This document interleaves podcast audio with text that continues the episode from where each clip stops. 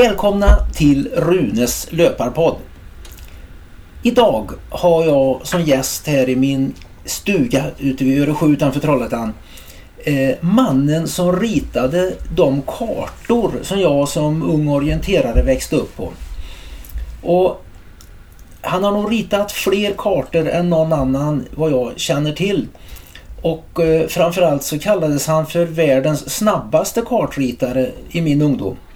Så att därför är det väldigt roligt för mig att ha honom som gäst här. Kjell Larsson. Hej Kjell! Hej! Ja, vad tror du om detta?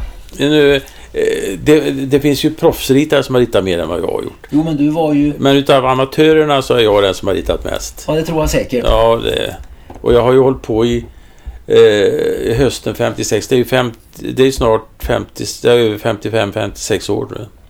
Du har ritat. Som ritat? Mm. Det här är ju fantastiskt och varför vi ska lyssna på just din berättelse, varför jag var så noga med att eh, tjata hit dig faktiskt. För jag ville verkligen, eh, verkligen eh, dokumentera din berättelse. För du har ju varit med när orienteringskartorna har utvecklats. Från att vara det du kallar konceptkartorna och som jag kallar de svartvita backstrikskartorna i ett generalstabskartor i princip. Ja, generalstaben var ju de kartorna. De började göra kartor redan på 1800-talet. Och sen, sen eh, gjordes det nya upplagor. Och det var generalstabskartor 1 till 100 000 och det fanns, det täckte ifrån Smygehuk upp till Söderhamn, 110 blad. Ja. Och sen norr om det var det 200 000. Och det orienterar ju på stackarna uppe i Norrland som är orienterade på 200 000. Men sen, sen kom ju men sen hade vi vissa områden här i södra Sverige som var så kallade konceptblad. Det var egentligen arbetsbladet till och med gjorde de här när man reviderade dem då. Och det, vi var lyckligt skonade. Eh, vi hade här i Västsverige och de var 1 till 50 000. Så då varje sån där 100 000 täcktes av fyra konceptblad. Okej. Okay. Mm. Och, och det, den, den sista utav de här generalstabskartorna som gjordes, det var ute i Bohuslän rätt så sent. Det var innan topografiska kartan då. Och där, där sprang ju SM på, in på, till och med in på 60-talet på de här konceptkartorna i Bohuslän. Svartvit kartor utan några höjdkurvor? Nej, ja, det var bara backstreck. Bara backstreck. Mm. Kan du förklara vad backstreck Ja, eh, det, det fanns två varianter på backstreck. Det var en som var liksom mjukt, alltså det var bara ingen berg i dagen då. Och då var de liksom streck och sen var det då med branter och grejer, då var det liksom tvärare, eh, tätare, det var en annan sorts streck då, de gick mer efter kanten då. Som visade när det var lite brant. Jag har faktiskt orienterat på sån karta. Min mm. far Lasse Larsson som ju var med och grundade och drev OK mm. Flundrehov. Mm. Han, eh, han gjorde det när jag var 10, 8, 8, 9, 10 år. Då hade han fått tag på någon sån här blå kopia på en karta och blå, som var uppblåst i skala. Och ja. där utanför nere vid Gravlången där, mm. där, där, hade han lagt eh, orienteringsbana för mig och mina kusiner. Jaha. Och min mamma var med och sprang till och med där. Mm. Det, helt fantastiskt. De berömda bröderna Jägerström, Tor och Elof i Borås. Ja. De hade en budkavle SM. Måste väl ha varit någon gång på 50-talet nere i söder. Och då, då tog de sig friheten att förbättra den här eh, konceptkartan. Så det skulle bli bättre orientering. Men det var inte populärt bland orienterarna. Varför inte det? Nej, det, jag vet inte. Det är mycket konstigt. Det blev väldiga skriverier och att så fick man inte göra. Var det för att orienterarna är notoriskt konservativa? ja, det var... Ja, ja, det, ja, det är mycket konstigt. Det blir ju, det blir ju bättre. Kartan blir ju ja, bättre naturligtvis. Ja. De hade putsat en hel del. Okej. Okay. Men det var inte godkänt utav de andra. Men du, du var alltså med eh, de första kurvkartorna som de heter, när höjdkurvor. Hur gick det till ja, det, de kom? Det var, ju, det var ju topografiska kartan då. Eh, 1 50 000. Den som eh, vi kallar för grönsaksblad också eftersom det var grön skog. Och, och det började komma mitten på 50-talet. Det var ju rikets allmänna kartverk då. gjorde detta. Och då, det är omkring Stockholm. Omkring norr om Stockholm där och det, bland annat också så gick Nord, första nordiska mästerskapet i orientering gick i Kolmården 1955. Och då hade man gjort något försöksblad där på, eh, på eh, topografiska kartan som användes till den tävlingen. Blev det populärt då? Ja, det var nog populärt och bra. Och, och då, det var ju så... Eh, det, här i väst, västra Sverige dröjde det väldigt länge innan det kom någon topografisk karta.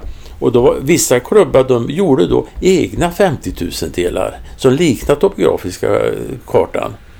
För att, eh, och då, de gick och väntade på att topografiska kartorna tog. Men när den kom hit till Västsverige då var ju den ju omodern. Det var ju inget, det var inget som använde den. För, jag, någon, jag, jag, har, jag sprang nog någon gång 67 bort i Jo eller någonting på någon sån där topografiskt. Men den var, den var helt omodern. Utan då började man att göra i, i 25 000 delar då.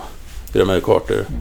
Jag vet att den första eh, riktiga gröna kartan så att säga Mm. eh, här i trakten. Ulf Smedberg ritade en karta. Till TSOK. Eller TSOK ja. Det var den kartan min far lärde mig att orientera på. Ja, det var, det var nog kom nog 64 eller någonting tror jag. Ja, ja, jag tror det är 64. Jag tror, det var, jag tror faktiskt det var 65. Det stod 65. Sen 1967 kom han med en karta som var, där skogen var vit och ärvorna gula. Ja, det var stor, stor karta byggd. Mm. Och den användes ju i, i ett antal år. Jajamän. Eh, Så att det var de jag växte upp med. Så Ulf Smedberg, de allra första kartorna. Men eh, sen kom du in i bilden. Mm. Och det är intressant. Jag har här och det syns ju inte på en eh, podd som bara är på ljud. Men jag har här en grön och vit karta. FIK står det. Kan du Mm. berätta vad FIK är? Vad är den kartan för? Främsta IK. Din klubb från Ja, början. ja. ja jag, var inte, jag var faktiskt eh, med i, eh, i eh, Grästorp SOK när jag började eh, eh, 56. Våren 56. Fr- Främsta IK hade ingen orientering utan det blev det blev så att de flesta som var med i Grästorps SOK de var ju från Främstad så därför började de orientera i, i Främstad 62. Och då körde de ett Skaraborgsmästerskap 63 på den gamla konceptkartan. Men sen då, när vi skulle starta Öjetrampen 66 då skulle det ritas en karta. Och det var Arne Svan som ritade det mesta så skulle även eh, Gunnar Främming vara med men han, det var lite tråkigt. Hans far dog där och det blev inget. Så, och då kom jag in i slutet på den här karttillverkningen. Det var Var- så du började som Ja, kartritare? det var då jag började. Och så, vi, tävlingen gick i oktober och jag, jag kom väl in någon gång vid, vid sommartider eller någonting. Och hjälpte då så mycket jag kunde de här. Och sen renritade jag kartan och sen körde, körde jag upp, det var ritat på plast då naturligtvis. Körde jag upp de där eh, fyra plasterna till eh, eh, Sveriges reproduktionsanstalt i Stockholm. Det var nämligen så vi hade använt ekonomiska kartan som utgångsmaterial. Och då hade de upphovsrätten. Vi fick inte trycka den på något annat ställe än SRA i Stockholm. Du menar alltså att eh, Öjetrampen, Mm. Främmestads orientering, klassiska orientering, Mm. Eh, som jag alltid förknippar med påskafton. Ja, 1966, då gick den alltså det är hösten. oktober. oktober. Mm. För då var jag 10 år. Och Mm. det du håller i handen nu som inte syns på en Mm. ljudupptagning naturligtvis. Det är en grön karta med gärdena är vita. Jajamän. Och där eh, det är en 25 000 del och där jag sprang par pojkar. Och det är inte mycket till bana man kan se där. Och eh, om du vänder på kartan så kan du läsa lite vad jag har skrivit, den lille tioårige Rune. Det var kritik mot kartritaren kan du hitta. ja, Vad står det där? hitta ett omarkerat stup och stig. Ja. Ja. Mm. Nu, det, det, den var inte speciellt bra. Den här. Men sen då eh, sen på andra Öjetrampen var ju 67. Och, och då, då, var, det var på, då var det påskafton. Eh, påskdagen var det första gången. 67. Och för det, jag, det var, jag såg att det var tomt. Så det var en chansning där för att, att jag, jag vill satsa, det var, jag tror det var 27 mars eller någonting var det. På den tiden var det ju snö ofta då. Ja. Men jag chansade. Och så jag satte igång och jobbade direkt med den tävlingen efter Öjetrampen. Var, första var färdig i oktober då. Och, då, och då, vi hade tryckt 3000 kartor och tänkte vi får använda den också till nästa gång då. Så jag satt och kompletterade för hand på kartan vissa saker som, jag, som inte var bra på kartan. Så jag satt, hade mycket jobb den vintern. Och sen då när, var ju det, eh, blev det ett våldsamt drag eh, till våran tävling eh, på annandag post 67. Så vi fick över var det 1720 deltagare. Det var ju nytt rekord för Västsverige då. Oj. Mm. Och det var ju precis det kartorna räckte. Men vi hade tryckt 3000 och det, det var precis det de räckte. Den eh, öjetrampen mm. eh, och öjetrampen kan jag tala om. Den, eh, att tävlingen heter det beror väl på den stora mossen, där, öjemossen. Ja. Men den tävlingen 1967 det var jag med och sprang par pojkar med Tord Ekström. Jajamän. Som sen blev en av Västsveriges bästa ja. juniorlöpare. Och eh, vi blev tvåa. Etta mm. blev grannen här ute, Johan Karlsson, som sprang med en klasskamrat från mellanstadiet. Han hade, det berättade Johan för mig nu häromdagen. Mm. Så att eh, det var fint folk vi hade att göra med. Ja, då, och då, ja, vi hade elitklass också då. Hade vi, på H21 bara hade vi den pannan av påsk, den andra öjetrampen. Eh, det var ju eh, Öjetrampen kom ju av eh, öjemossen, den stora öjemossen då. Och eh, en öje det är en ö i en mosse egentligen. Och, och sen, var det, sen var vi nog lite inspirerade av eh, älgtrampen uppe i Värmland då. Det var därför vi fick trampen. Så ja. öjetrampen. Jag ser på kartan att eh, vi, vi små par pojkar vi fick korsa järnvägen. Mm. Nossebrobanan. 1966 var det trafik på den. Åsaka-Merra gick. Mm. De kallar ju den här rälsbussen för Åsaka-Merra. Ja, det, var inte så, det var inte så tät tid. Nej, det var inte det. Men i alla fall så var det, det var väldigt eh, trevligt. Men sen fortsatte du att rita kartor. Ja, det var ju starten på min karta. På det. Så att efter Öjetrampen 62, äh, 67 så ritade jag första kartan ordentligt då. Så, och, och, och den under sommaren och den använde vi då till Skaraborgsmästerskapen i orientering eh, hösten 67 och sen till Öjetrampen 68. Hur gick det till att rita en karta på den tiden? Ja, alltså vi hade ekonomiska kartan och sen tolka i ekonomiska kartan fanns ju en fotobild i bakgrunden och ni fick ju tolka den. Men sen var ju kurvmaterialet, det var så kallade boardplex kurvor. Det var inget, de var inte gjorda i någon, i, i någon stereoapparat eller någonting. Så det, de var ju fruktansvärt dåliga. Ni kan ju bara se, jämföra på den gamla första kartan och den jag ritat över öjemossen här på senare år. Det är ju det är en enorm skillnad. Det går inte att tro att det är samma område ens. Du hade alltså inte ett kurvunderlag? Nej, ett väldigt dåligt kurvunderlag. Det var knappt ingenting. Tord Ekström som jag berättade om. Mm. Vi var ju klasskamrater genom hela grundskolan. Mm. Eh, han gick ut med 5,0 i medelbetyg. Ja, ja. Jag låg väl nere på 3 någonting.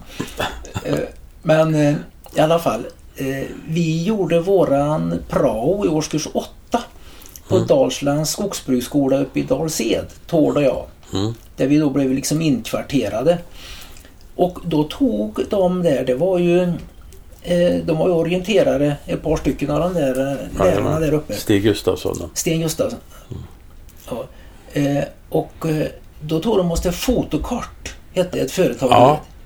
Det stod väl, var, det inte Per Fosser som... Per Fosser, det var Gustav Glesåen som fotokart, det var, eh, det var en norrman, eh, eh två norrmän som startade detta i Kongsberg eller någonstans där. Men den ene omkom, han var mätningsingenjör som jag då, så han, han omkom lite tragiskt med en med måttband på, på en på elledning på järnväg. Mm. Men sen gjorde, startade de en filial de hade gjort en del underlag till Sverige men så startade de en filial då i eh, Dalsed. Och jag kommer inte ihåg vilket eh, det riktigt var. Det kanske var 60, 68 eller något sånt där då. För de, de, sen, det, blev ju så att fot, det, det var egentligen så att eh, om vi jämför Sverige, Norge och Finland så hade Finland de bästa officiella kartorna. Och, och Norge hade de sämsta och Sverige låg mitt emellan. Och, det bety- och då blev det så att Norge var en föregångare när det gäller att få eh, bra orienteringskartor. Och Finland kom efter och vi kom emellan då. Mm.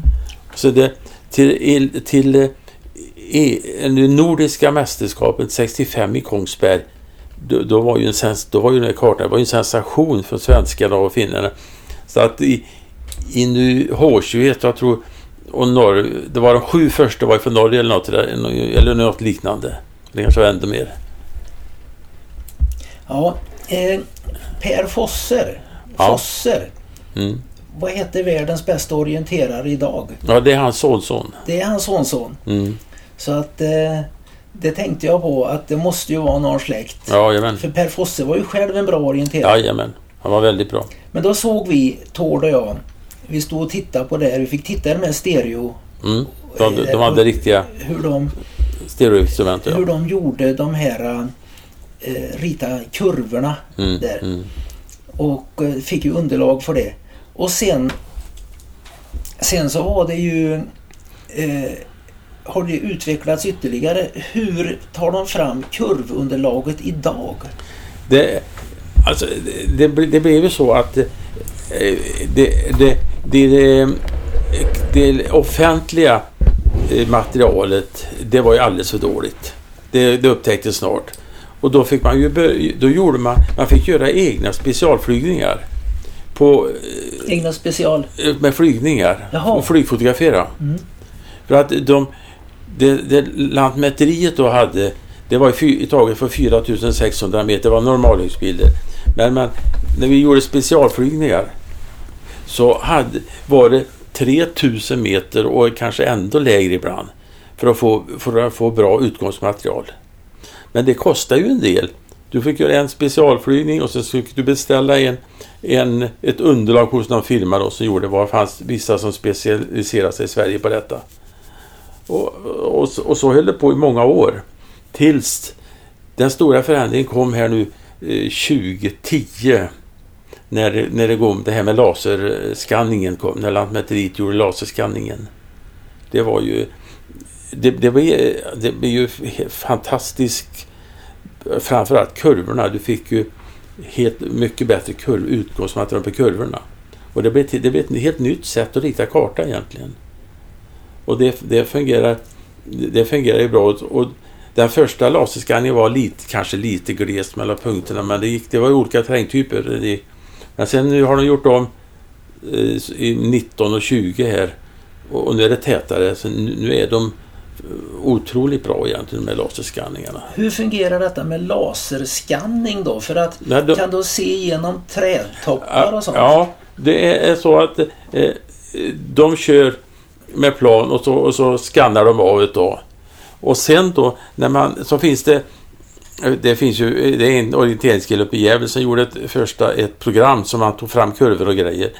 Och, och då, då gör man först en, eh, ett, en, ett över marken för att, för att få kurvorna. Sen kan man även göra ett med alla punkter. Då är liksom träd och allting. Då, så kan du få en, en bild på eh, trädhöjd och grejer. Oj, oj, oj. Mm. Så det är egentligen, när jag ritar idag så har jag nästan bara nytt, jag använder nästan bara eh, kurvorna och så den som visar trädhöjden. Ja, det kommer ju även höjd på husen kommer ju även med naturligtvis. Det är, och sen kan jag komple, kompletterat med ortofoto då, Lantmäteriets ortofoto. Och det är särskilt bra på, eh, på öppna, öppna partier. Vad har du för nytta av trädhöjden? Jo, det, det har jag väldigt nytta av. om det, om det är, men då får, är det en jämnhög skog. Har du, är det en jämnhög skog, då, då har jag ingen nytta. Nej. Då, då, jag ser, då kan jag bara se ungefär hur hög skogen är. Det bästa är om, om det är en ungskog och så står det lite glesa stora träd här och där. Ja, då kan du ha dem som De utgångspunkt. utgångspunkter, då är det otroligt lätt. Ja, det är ja, en ja. otroligt hög precision i detta. Ja, ja, ja. Mm. Och ett, då, då förstår jag att det blir ett helt annat sätt att rita kartor. Ja, ja. Och, då, och en, del, en del ritar med GPS. Jag har aldrig ritat med GPS för att det är egentligen mer noggrannhet i laserskanningen det är i- än i GPSen. Oj. Mm. Och i synnerhet då sen den här... Jag var inne på att skaffa GPS men så när laserskanningen kom då slutade jag, tänkte jag inte mer på det. Och synnerhet den här sista laserskanningen nu som är väldigt bra. Så, så eh, jag anser jag har ingen nytta av GPSen. Det är fantastiskt vilken utveckling. Jag vet Johan Karlsson som jag berättade om här. Mm. Vi var ju eh, juniorer i Trollhättans sportklubb han och jag. Mm. Och eh, klubben skulle arrangera ett lång-DM. Och Mm. för det skulle tas fram en himla stor karta.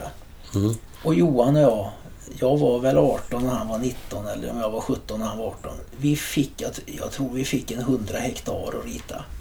Det var rätt mycket för två pojkar. ja, ja. Och det var ju då 1974. Mm. Och det var 18 var jag. Och då hade vi ju fått kurvmaterial. Jag tror det var från fotokart som jag nyligen pratade om. ja. Och sen så tejpade vi ju på det där då på en platta. Mm. Och så la vi på en genomskinlig ritfilm. Mm. Och så gick vi till något ställe som man kunde identifiera. Och så tog vi en kompasskurs, ritade en tunn linje där vi skulle gå kompass med blyerts. Mm. Och så gick vi och stega och så det vi såg det prickade vi in där. Mm. Och det hände väl att vi hade kompetens att komplettera kurvorna lite grann också ibland. Små hjälpkurvor fanns det ju på den Ja, tiden. De ja, ser ja. man ju aldrig numera. Jo då. Det gör du. Ja då. Ja, mycket Ja, hjälp. jag har inte hunnit. Nej.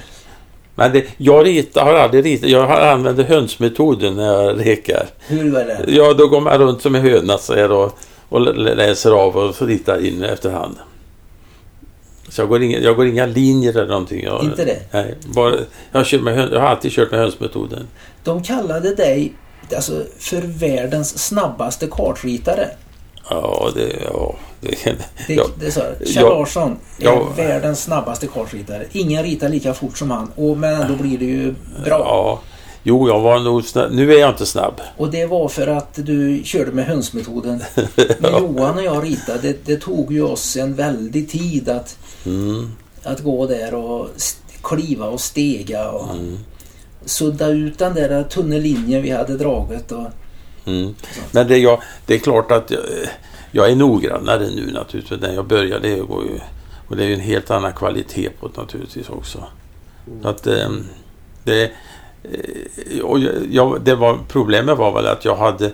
Jag jobbar ju, så jag var ju hobby. Så jag var ju lite ofta sent ute med kartorna. Det, det, jag hade väl Öjetrampen 1980 i Mälby. Där fick, hämtade vi kartan på tryckeriet åtta dagar innan tävlingen. Eller så gjorde vi den öjetrampen sprang jag också. ja, Det var en av mina sista orienteringstävlingar innan jag ja. flyttade till Amerika. Och då blev det att jag la av med orientering. Mm, att, men det var, jag, lör, fredag, lördag, söndag och på måndag var banorna tryckta. Så det gick, på fyra dagar alltihop, banläggning och och- Ja, det var väldigt. Och du jobbar ju som lantmätare. Ja, jag var som mätingenjör och sen blev jag lantmätare senare. Men jag var mätingenjör och det, det, det... Så att eh, jag har ju... Mitt kartintresse har ju funnits sedan jag bara var fem år eller någonting. Oj, Ja, så det är ju... Det är så därför, du var, när då? fem år någonting. Jag var, studi, väldigt intresserad av kartor sedan jag var fem år. Oj. Mm. Det har vi något gemensamt. Jag berättade att jag flyttade till USA. Ja. Studerade på United States International University i San Diego. Mm. Bodde i ett studentrum. Och eh, vad tror du att eh, 20-åriga studentkillar har tejpat upp på väggen i sitt studentrum? Jag var, var det inte damer så vet jag inte vad. Det var Titty Pictures kallas de för. Med, Ja. Från Playboy och sånt. Ja. Men vet du vad jag tejpade upp på mitt studentrum? det- Topografiska kartan över min hembygd. Trollhättan, ja, ja. Ja, Ja. den, den, den satt på, ja. på det. Men nu har du alltså, du har ju alltså eh, du har ett familj och allt möjligt. Och gift Ja. i... 53 år. Då har vi, råkar vi faktiskt ha din fru Eivor här.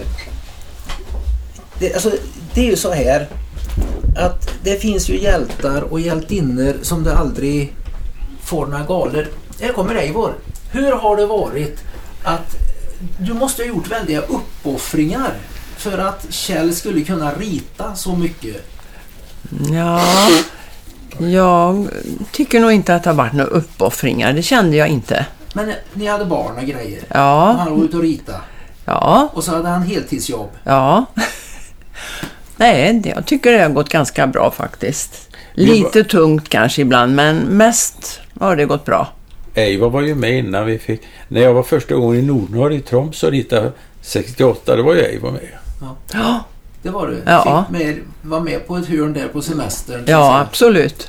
Vi var, vi var nog där fyra veckor, bodde i en liten hytte där. Och, Ja, Jag har alltid, jag har alltid förfasats över de här eh, fruarna.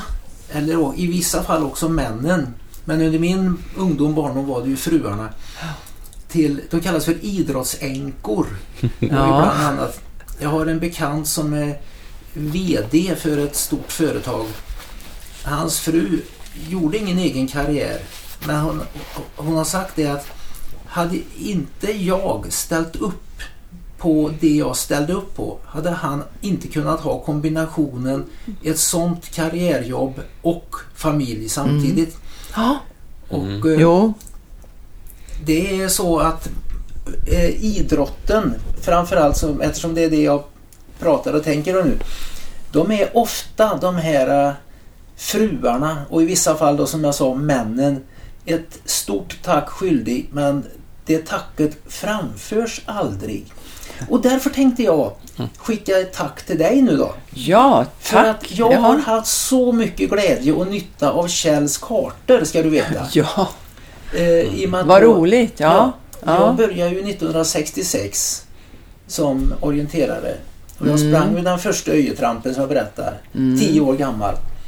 Och sen så en av mina sista orienteringar innan jag la av. Jag har tagit upp karriären igen nu efter ett 41 års uppehåll. Eh, den där eh, öjetrampen ute i Stora Mellby. Jag vet att det var bra väder. Solen. Ja, och det var även en annan Och historisk det grej. var Kjell som har ritat den kartan också. Ja, ja, och det var en annan historia. Det var då spikskorna, spikorienteringsskorna kom. Det var det. Ja, och det var lite... Snön var borta nästan, och så, men det var lite isigt på stigar. Och, och nästan var de åtta bästa så i, elitklassen, de hade sprang med spikskor. Right. Det var SM, SM-spik heter det. jajamän. Jag hann inte skaffa sådana.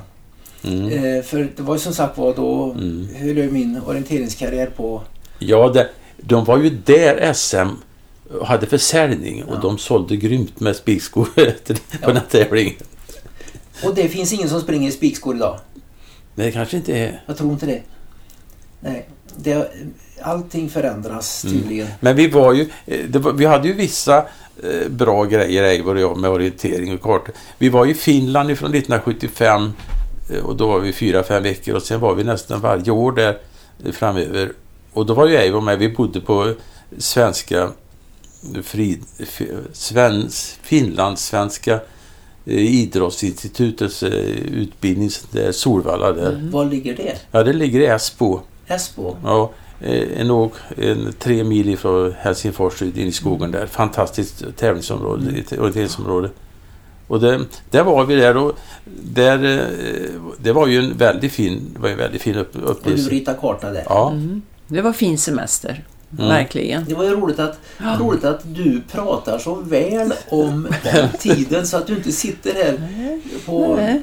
eh, gamla dagar och är bitter och tycker det att Absolut inte Kjell bitter. var ute och hade roligt minsann. men- Jag fick minsann vara hemma och diska och dammsuga Nej, och ta men jag hade om- mina intressen också. Så att Vilka det... var de? Ja, det var, du hade ju den här marmoreringskurser och grejer. ja, jag höll kurser i måleri, måla möbler. Okej. Ja, det var kul. Men det- Jättekul. Det är klart att jag hade ju år där jag la ner 1500 timmar på att jobba med orientering. Och det har varit många år med sådana. Så det, det är ju det är i snitt fyra timmar om dagen. Tjänade du ekonomiskt något vidare på allt Nej, det för jösse namn. Det har kostat mig pengar istället. Ja. Jag ska vara ärlig. Mm. Och det är ju också så här va. Har du fått några fina utmärkelser? Har du fått medalj av kungen för att du har drivit en sport? Nej, jag har, jag har inte fått en Skogskarlarnas silvermedalj i Västergötland. Har du inte ens fått den? Nej, det tycker jag nästan är roligt. Skandal. Mannen som ritade så mycket kartor. Så att det är... Det är... det, det är... Eh, du borde ju ha medalj av kungen. Ja. Så att... Eh, nej. Nej, men det, jag, hade, jag hade räknat... Jag jobbade ju hårt med kartor från 66 då badläggning. Det var ju arrangemang och badläggning och kartritning. Och till, in, på 90-talet där. Och sen, sen satsade jag väldigt hårt på Lantmäteriet en del år. Men jag, då la jag nog ner en, på den perioden 25 000 timmar. 25 000! timmar på, på, lant, på orienteringskartor och arrangemang, banläggning och sånt. Så att det, det var ju mycket. Du var banläggare också. Ja, den första ötrampan var ju banläggare på allihop där. Och, och så att... eh, Och sen liksom, det, det var... Jag, det, jag var ju... Det var ju mycket... Mycket... Mycket så jag jag hade ju väldigt mycket idéer om orienteringen då. Ja. Jag började ju med, redan första öjetrampen hade inritade banor på de längsta klasserna. Det var ju, det var ju ti- tidigt. Det, det kan ju man ju berätta då för de som eh, nytillkomna lyssnare så att säga. De som är födda Mm. eh, på 60-talet och senare. När vi började. Vi hade ju för det första var ju kartfodralet det var ju en platta med Ja. en celluloidlock med tryckknappar. Jajamän. Och så när man var på väg till starten så fick, stod det någonting som heter kartjustering. Ja, det här, och här har de byggt en väg och då fick vi pricka in den vägen på våra kartor. För vi, vi fick kartan men ofta i men, men inte inritad. Nej, jag fick lite stanna vid starten och rita in det. Ja, och, så, och, så, och sen så skulle man rita in. Mm. Och så som liten pojk så satt ju med kartorna som man skulle rita in, de satt ju rätt högt. Ja. Och så hade man kulspetspenna och så så fick man luta den lite uppåt för att rita in. Oj, då rann bläcket tillbaka och så fungerade inte den. Men jag kommer ihåg när jag skulle införa inritade banor på första examen. Det var väldigt gnäll i klubben att jag ska ha sådana dumheter för mig. Var, ot- otroligt. Ja, men jag gjorde ju arbetet själv så det var ju, de behövde inte kla- har inget att klaga på. Men en grej som du eh, också en innovation. Mm. De nya kontrollangivelserna är väl din idé? Ja, det, Där har du där har du en väldigt stor... Eh, mm. Alla som ser den här eh, kontrollangivelsen idag. Mm. De vet inte att förr så stod det ju då att eh, bäckkröken till exempel. mm, mm. Det stod på svenska. Och om det då kom danskar Mm. så dike, det fick de veta, det eller norrmän, gröfta ja. och sänka, det var söck. Du reagerar på det? Nej, det, första gången jag reagerade, det var när jag läste gamla eh, Skogssport och Skärmen. Då visade det sig att Pontus Karlsson, Mullsjö, han missade Nordiska mästerskapets titel i Finland 1961 bara för att det var felöversatt. Oj. Och då började jag fundera. Och sen var jag på jag var på VM i Tjeckoslovakien 72. Och då, då förstår jag vilket problem det var när de skulle hålla på och greja. Och även eh, på O-ringen där 68. Där. Och, och då började jag fundera. Så jag funderar nog jag funderar länge. Jag funderar nog över ett år. Och så pang en lördag förmiddag så kom det i huvudet. Hur kom den idén? Jag, jag vet inte, bara rätt som det var så förstod jag hur det skulle vara. Någon har sagt att du hade sett kinesiska Nej, nej. skrivtecken. Det är helt fel. det finns ing, inget. Jag har hört japan. Det är absolut inget med det att göra. Ingen. Bra. Då, eh, då har vi avlivat en myt. Ja, det är, nu det, vi ren, några konspirationsteorier medan vi är i farta. det är ren lögn. Utan jag, jag bara funderar. Och, och till, till sist, jag funderar väldigt mycket. Ja. Till slut så bara, då var det solklart hur det skulle vara. Vilket år var detta? Det var, det var 70... Vänta nu, nu ska vi se så jag säger rätt. 73 var det väl. 73 var det kom jag på det. Våren 73. Men jag, jag lanserade det inte förrän jag skrev en insändare i Skogssport och norska O-posten våren 74 hur jag ville ha det. Och då var det så att det fanns en i Norge som hette Kjell Staxerud som satt med i IOF, internationella, internationella. Och så var det Sivar Nordström från Sverige. Och de blev väldigt begeistrade i detta och det var de som eh, såg till att det blev genomfört i IOF. Okej. Mm. För eh, att, det, att till exempel ett stup såg ut som ett stup, det var ju ganska så uppenbart. Ja. Men de andra tecknen, Jag hade nog gjort ett förslag men sen, sen gjorde de mer gediget genom det hela. Så att, eh, och, och, och en tecken. Men det, det, var min idé hur tecknen ungefär skulle se ut. Hur det skulle komma allt det här och med västra och östra och liksom det foten och det, allt det där. ja. Det är ju fantastiskt egentligen att eh, ha varit med och skapat någon sån här grej som har blivit Ja, så normbildande och så vet när man ser en sån där, vem, vem kom på detta? Och mm, det var Kjell Larsson, mm. Främmestad, Trollhättans SOK har du Ja. också. ja, ja, ja. Ja, det var inte dåligt det faktiskt. Men har du varit med och drivit eh, utvecklingen kan man påstå för vanlig kartritning också? För att ifrån 1966, den här kartan över Mm. f- första öjetrampen. Det är ju inte nästan några detaljer på den överhuvudtaget. Nej, inte om jag jämför idag. Men jag började redan där och krångla. Eh, Jag, hade, jag ritade mosstecknen som, som de, de här eh, torvgravarna gick. Jag vred Jaha, Och det du ser på kartan där. Och det var ju många som undrade vad det var för något. var det därför som tecknen var lutade åt olika håll på Ja. just, på, just på öjemossen? Mm. Det var för att torvgravarna gick så. Ja, var de det- tog ju torv ur mossarna förr. Mm. Men sen började jag ju med eh, massor, jag prov, experimenterade med väldigt med karttecken. Jag började med en som var först med, det var ju avlång punkthöjd. Okej. Som jag, och den har ju, den har ju använts ju väldigt flitigt, har jag gjort i alla år nu. Ja. Och jag började ju med även med markera hyggen. Det var en del som tyckte att jag ska markera hygge för det blir för lätt orienterad då. Oj, oj. Och även stenmur, det var samma sak. Jag kan inte markera stenmur, då, då är det Är görlätt. stenmuren ditt te- tecken också? Ja, ja, nej inte själva tecknet, men markera. Jag markerar nog med prick hur det var jag gjorde. Ja. Det börjar jag med. Så att det, det, jag har kämpat eh, mycket med olika... Och, jag har ju inte blivit... Eh, jag har ju blivit motarbetad i stort sett det mesta utav detta. Det, med, med tecken och grejer. Jag höll på. Men det, det får ju inte ge upp. Nej, jag var glad att du inte gjorde det. Ja, För kartorna är som de är nu. ja. Att rita Och med tomtmark var något sak som jag hörde... Vadå, så- Tomtmark. tomtmark, ja. Gör och sånt då. Har du också varit med och... Ja, jag började markera. Det hade ju Lantmäteriet hade det på sina kartor. Jag var införde det. Ja.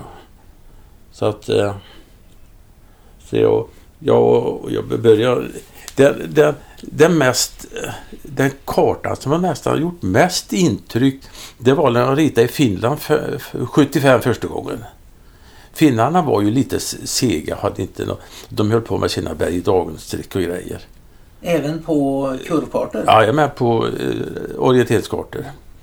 Och, eh, så, och så då, då började jag med gult istället och markera öppna terräng. Ja. Mm. Och, och det, det blir ju en helt annan... Så den, och den kartan var ju väldigt bra jag gjorde i Finland 75 så den, den, blev, den blev väldigt uppmärksammad där. Jag tror det kallas ljuspunkt. Eller något sånt där i början. Ja, det kan hända. Det, det. För de kunde man använda sig av även när man ritar karta. Mm. För eh, när Johan och ja, jag ja, ritade ja. så var de markerade inte med ljust utan med en eh, blubb av något slag. ja men. Och de kunde man an använda och allt, allt sånt där som man kunde få med sig. Men då var det... Mm. Jag vet inte om vi ritade in dem på kartan, om det var standard då i början på Nej. 70-talet. Nej, det var inte alls standard när jag började med rita med gult i skogen. Det var jag först på nästan det där. Och jag, jag vet när jag hade ritat det vid Solvalla i Finland 70, och den eh, blev klar 75. För, första upplagan tryckte 75 och då, då hade jag med den till Nordiska mästerskapen i i Danmark 75 för jag skulle leverera till Finland. Ja, bara för vi skulle, vi skulle och lägga, betala tull och grejer. Mm. Och då fick Åge Hadler se den kartan. Jag visste för Åge, ja, Åge Hadler. Och han hade vunnit VM i Finland eh, 66 och så vann han Nordiska 69 och då hade de, de låg ju på f- 66, de låg inkvarterad på Solvalla. Ja. Och då sa han... När han fick, Solvalla i Finland alltså. ja, Solvalla. Och när han fick se min karta. Alltså det var så det såg ut, sa han. Ja. han bara tänkte på de här finska med backestreck, berg, dag och kartorna och grejer. Ja, ja det var... Eh, men du, jag har ju fått den uppfattningen, vilket i det här samtalet visar sig vara helt eh, korrekt. Att du har ju... Du har ju ja, finns det någon egentligen som har drivit utvecklingen på kartor mer än vad du har gjort? Nej, det vi hade ju Anders Timner naturligtvis, var ju en duktig kille uppifrån Umeå. Han var ju väldigt, han drog, han var, han var väldigt projektledare egentligen, vissa grejer. Han, och han drev ju en del saker också. Så att, eh, men det, men jag har, jag, jag har gjort en riktigt dålig karta också. Jaha, 1975, det också uppe i Nordnorge. KG Deldhög och jag, vi skulle åka upp och rita en karta och, och sa ni, ni kan höra av er när snön är försvunnen så kommer vi. Ja. Ja, de hörde av sig. Det var inga vi kom upp och vi kom upp, så jag tror det var 17 eller 18 maj. Det var, det, var rätt så, det var ett fint område. ja. Och, och, och rätt så kul, det var en höjd, det var nog höjdskillnad på ett par hundra meter. Och det var någorlunda i kanten, men uppe på det var ju det meter, meter djup snö. Det är inte lätt att rita kartan då. Nej, det var ju synd på ett sådant fint område. Så det, det, det, det gick ju inte att se någonting knappt. Nej. Normen. Menar att hur stor ska en sten vara för att den ska vara med? Hur stor ska en, hög ska en brant vara för att den ska vara med? Ja, det, ja en meter bör ju en sten vara. Ja, En meter lite. Det, beror på lite. Sten är, är lite speciellt. Är det väldigt mycket sten som vissa ställen i Blekinge och upp i- genom. Då får du gå. Gävle. Ja, då måste du gå upp i storleken. När jag till exempel ritar i, i Brösarp nu. Jag kan ju gå ner till 0,80 för att en, en sten på 0,80 i bokskon det syns ju lång väg. Ja, Mm. Så det, det är lite beroende på ter, terrängen. Hur det är, tycker jag.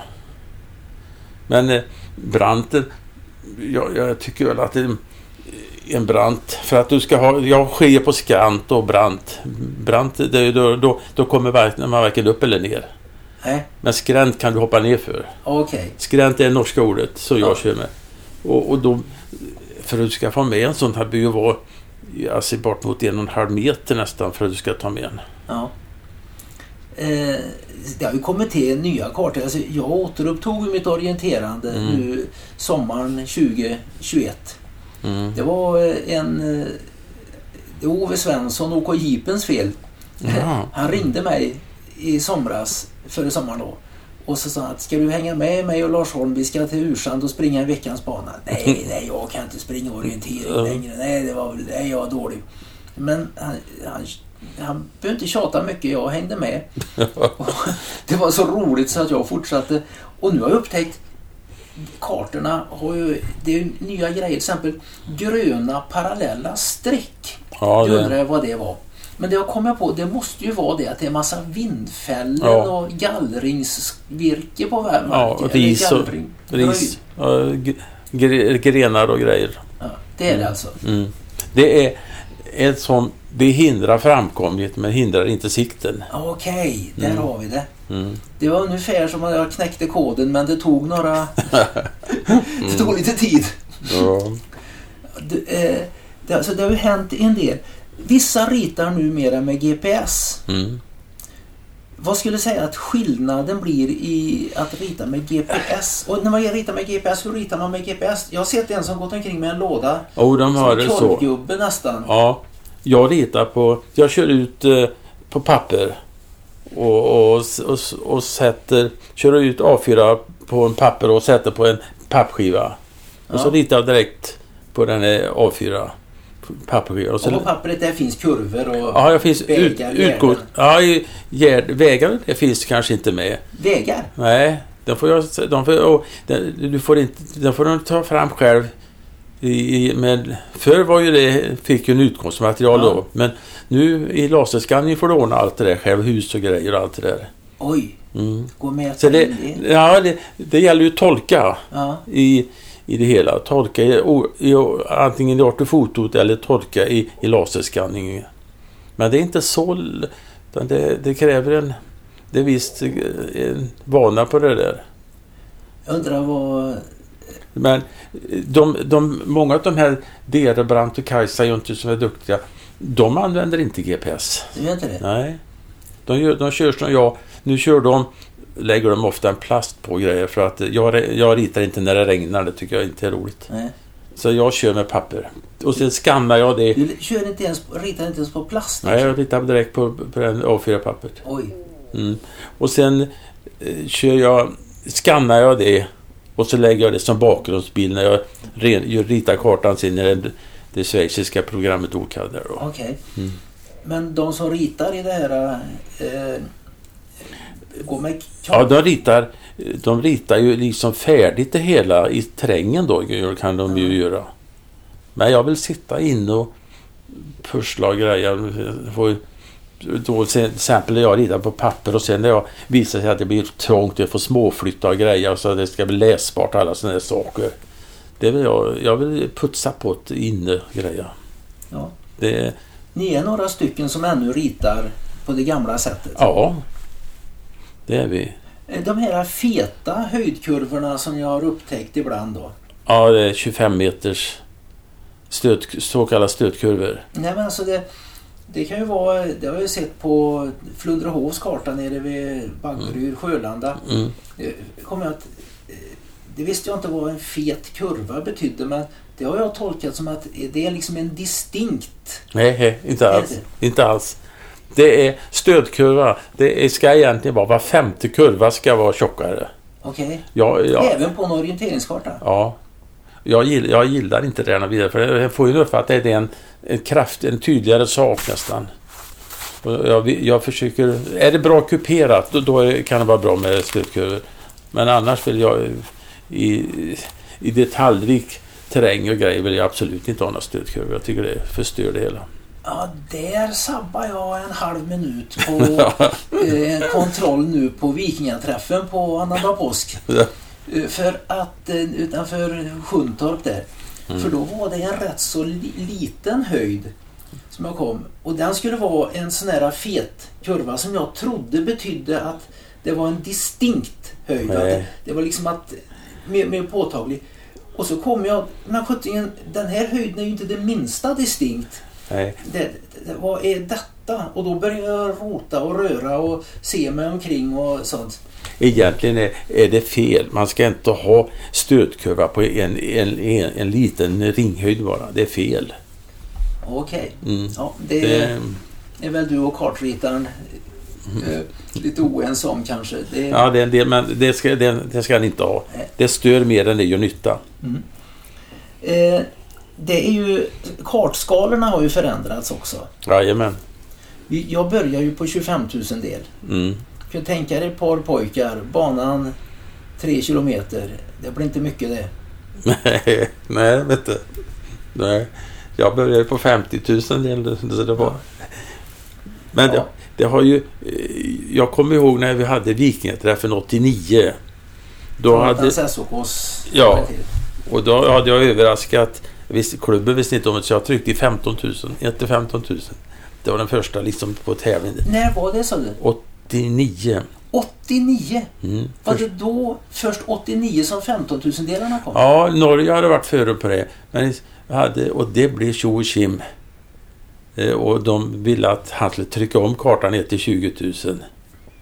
Eh, nej, nej, sa jag. Det gör aldrig, gör aldrig det, sa jag. Det skulle trycka. Vi ska ha den här kartan 1 till 15. Där har du också varit med och drivit en utveckling. Ja, jösses då. Vilket, det var det tjo och tjim. Du har fått alltså stånga huvudet i väggen många gånger. Ja, Och det är intressant. Du är en sån här person som det har pratats mycket om ja, bakom din rygg. Men bara bra grejer. Jag har aldrig hört ett negativt ord om Kjell Larsson. Och det är intressant. Och kanske det bästa någon har sagt. Två saker som jag vet som någon har sagt om dig. De har sagt så här, han är så inåt helsike skicklig på orienteringen tekniskt. Så kunde han bara springa ordentligt så skulle han vara i yttersta eliten. ja sa- det, det kan nog ligga något Men jag har aldrig varit någon löpare. Nej. Och, för, och jag gjorde en misstag också. Jag tränade inte däremellan 15 och 20 någonting. Nej. Ska du bli bra så måste du ha tränat upp det innan du blir för gammal. Ja, min far han sa något annat om dig också. Han sa så här. Varför doktorerar inte Kjell Larsson på kartor? Ja, För det finns ingen som kan mer om den här sortens kartor än Kjell Larsson. Han, det finns inte en opponent vid någon disputation som skulle kunna knäcka Kjell. nej. Nej. disputerande sa min far, gatsoparen med sex år i folkskola. Ja, att det förstod han. Så han tyckte ju det, alltså han är ju redan han har ju redan grunden, han är ju redan lantmätare, sa han. mm. Då kan han väl doktorera också då? Det är klart att eh, jag, hade ju, jag växte ju upp med väldigt kartintresse. Och började orientera tidigt av 56 och sen började jag eh, som med pinpojk 60 trollat på Sting i Trollhättan stadsingenjörskontoret. Och sen gick jag utbildning som mätningsingenjör. Så, att, så så jag har jobbat 46 år i Lantmäteriet. Och, jag, eh, det är klart att jag har en väldigt, eh, jag har ett väldigt intresse för kartor och, och, och kunnande på det har det blivit. Har Men du, har du kvar exemplar av alla kartor du har ritat? jag har nog någorlunda det.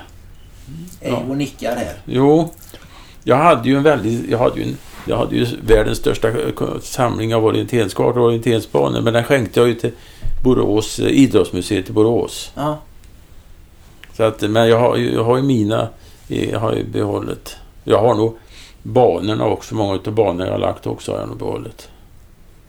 ja. Ja. Och detta har du gjort och du har inte tjänat egentligen några pengar på det. Nej, det har, eh, jag har väl, jag har tagit, Eivor skakar på huvudet. Det är nästan jag, som när, de, när Hyland intervjuar Finnskoga-Lasse eller Plex i radion. Nå Finnskoga-Lasse, det här gick ju bra det här loppet och Finnskoga-Lasse stod och nickade. ja, ja. Nej, jag har, nej, det har inte... Det har inte varit...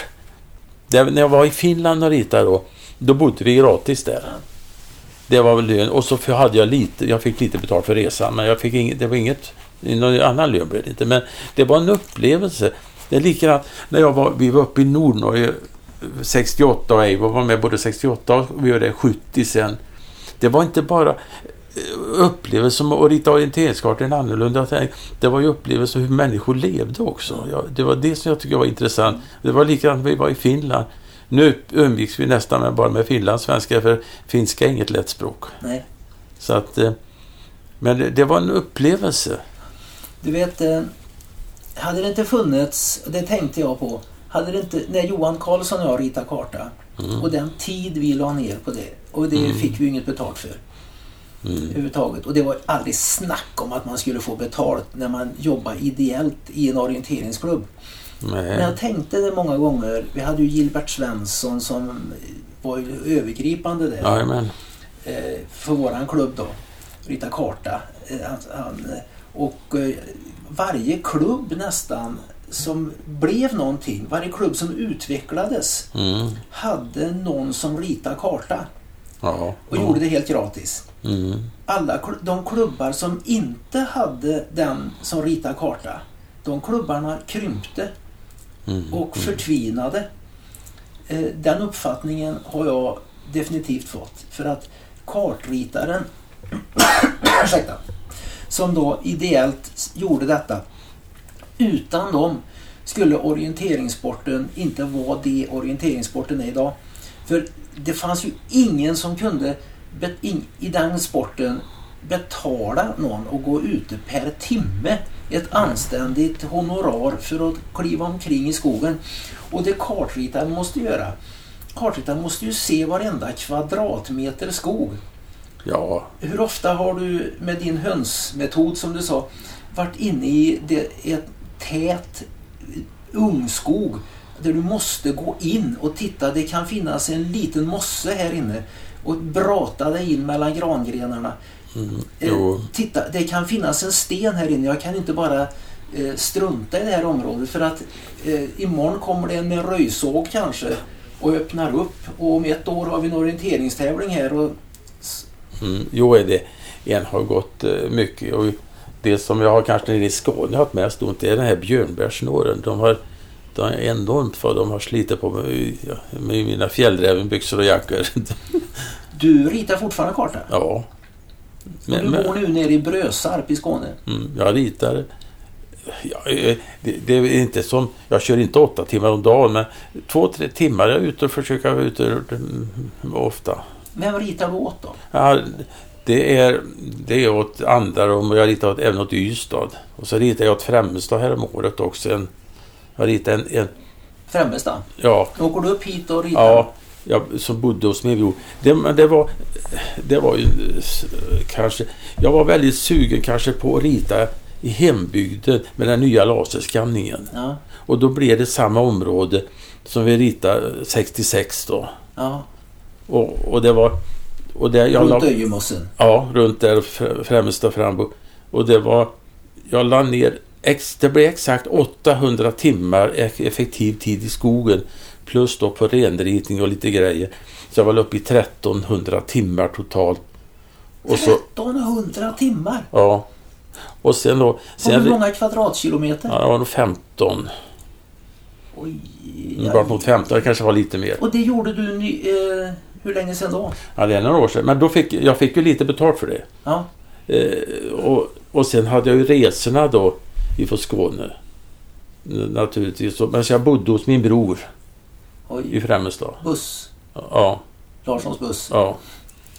Men det var, eh, det var, det var ju slöseri egentligen. Men eh, jag var väldigt sugen att rita en, hem, en, karta, en bra karta hem, över hembygden. Hembygden ja. börjar liksom det hela. Ja, har den använts nu? Ja, ja. Den används på två ögontrampor där. Två. Mm. Eh, hur, karta är ju på sätt och vis färskvara. Ja. Men eh, om du har ett sånt grundligt material som du gjorde ritat från laserskanning. Hur svårt, lätt, tidskrävande är det att revidera en sån karta efter tio år till exempel? Mm, nej, det, det, det som har förändrat sig då det är ju kanske stigar och sånt. Och så är det det grönområdet. Grönområdet är då ja, tät skog och... Ja. Och det, det, kan, det blir ett hyggen. Och, och, det, och det är någon, de har planterat igen något område och sånt där. Det, det är sånt som blir... Annars ändrar jag ju egentligen ingenting på mina kartor som jag varit ute som jag ritat tidigare. Nej. När du springer en orienteringstävling, Gör du det fortfarande förresten? Nej, jag har, jag har problem med höger lår. Jag har överansträngt höger lår när jag gick och ritade i snön här för tio år sedan. Så jag har svårt att... Jag kan inte springa. Jag vågar, jag vågar egentligen inte springa. Jag är rädd att jag inte ska kunna gå ordentligt. För gå ordentligt kan jag göra. Men när du har sprungit då, mm. på den tiden du sprang och även när du var i din krafts dagar. Mm. Eh, hur, när du sprang, tittade du på kartan då liksom som att eh, hur, hur den var ritad? Hade du liksom synpunkter där när du sprang? Jo, då, det hade jag väl ibland. Naturligtvis, men inte så. Jag vet i alla fall när jag var på O-ringen. Vilket jössenamn, vilket år var det här nu? 78 var det väl, ja. Då sista etappen sprang jag bort i Karlsborg. Och jag gick kompass till... Jag orienterade först och hittade inte kontroll. Så gick jag kompass på tre olika ställen och kom till samma ställe alla tre gånger. Men där hängde ingen skärm. så jag tyckte... Jag, jag framförde väl det till valläggaren. Men han höll inte med om att det var fel. Alltså, när, jag hade, när jag gått kompass på tre olika punkter och kommit till samma fläck alla tre gångerna. Då, då, jag skulle, vore jag banläggare skulle jag nog inte kunna det, det kommer jag väldigt väl ihåg. Men, det var inget, jag brydde mig inte så mycket om det. Eh, när du går ute i skogen bara, om du inte ritar karta, ritar du karta i huvudet då? Ja, det gör jag nog. Att de, utan att tänka på det? Jo, det gör jag. Jag, jag klassificerar och jag vet jag kan åka tåg ibland och sitta och klassificera terrängen vid sidan av tåget. ja. Då, jag tror att du är kartor, Kjell Larsson. Mm. Det har varit fantastiskt eh, intressant att prata med dig. Mm. Eh, vi har hållit på i en timme nu. Och eh, du ritade som sagt var min barndoms, min ungdoms kartor. Du har varit med och drivit utvecklingen på orienteringskartor. Mm. Du uppfann den nya kontrollangivelsen. Utvecklade den. Mm. Eh, du, upp, du kom med idén och, och karttecken och sätt att rita. Och Jag undrar om alla de som har sprungit och haft glädje av att springa orientering har fattat hur otroligt värdefullt det har varit med dig och även några andra då som har kunnat gå ut och rita utan i princip någon ersättning alls. Nu finns det väl proffs då som ritar eh, Ja, det är de. betalning. Ja. Men den karriären slog du dig aldrig på. Nej, jag har ju fått någon ersättning har jag ju fått på senare år naturligtvis. Men det är inget, det är inget som jag har tjänat några pengar på. Men då säger jag i alla fall tack till Kjell Larsson och hans fru Eivor som har fått dra ett tungt lass utan att klaga när Kjell har varit ute och lagt 1500 timmar på att rita en karta på 15 kvadratkilometer så många gånger. Så tack ska ni ha båda två. Och eh, nästa gång jag springer en Öjetrampen så ska jag undra om inte du har varit med ett finger med i spelet. Vi Ja, tackar. Tack ska ni ha. verkligen. Tack.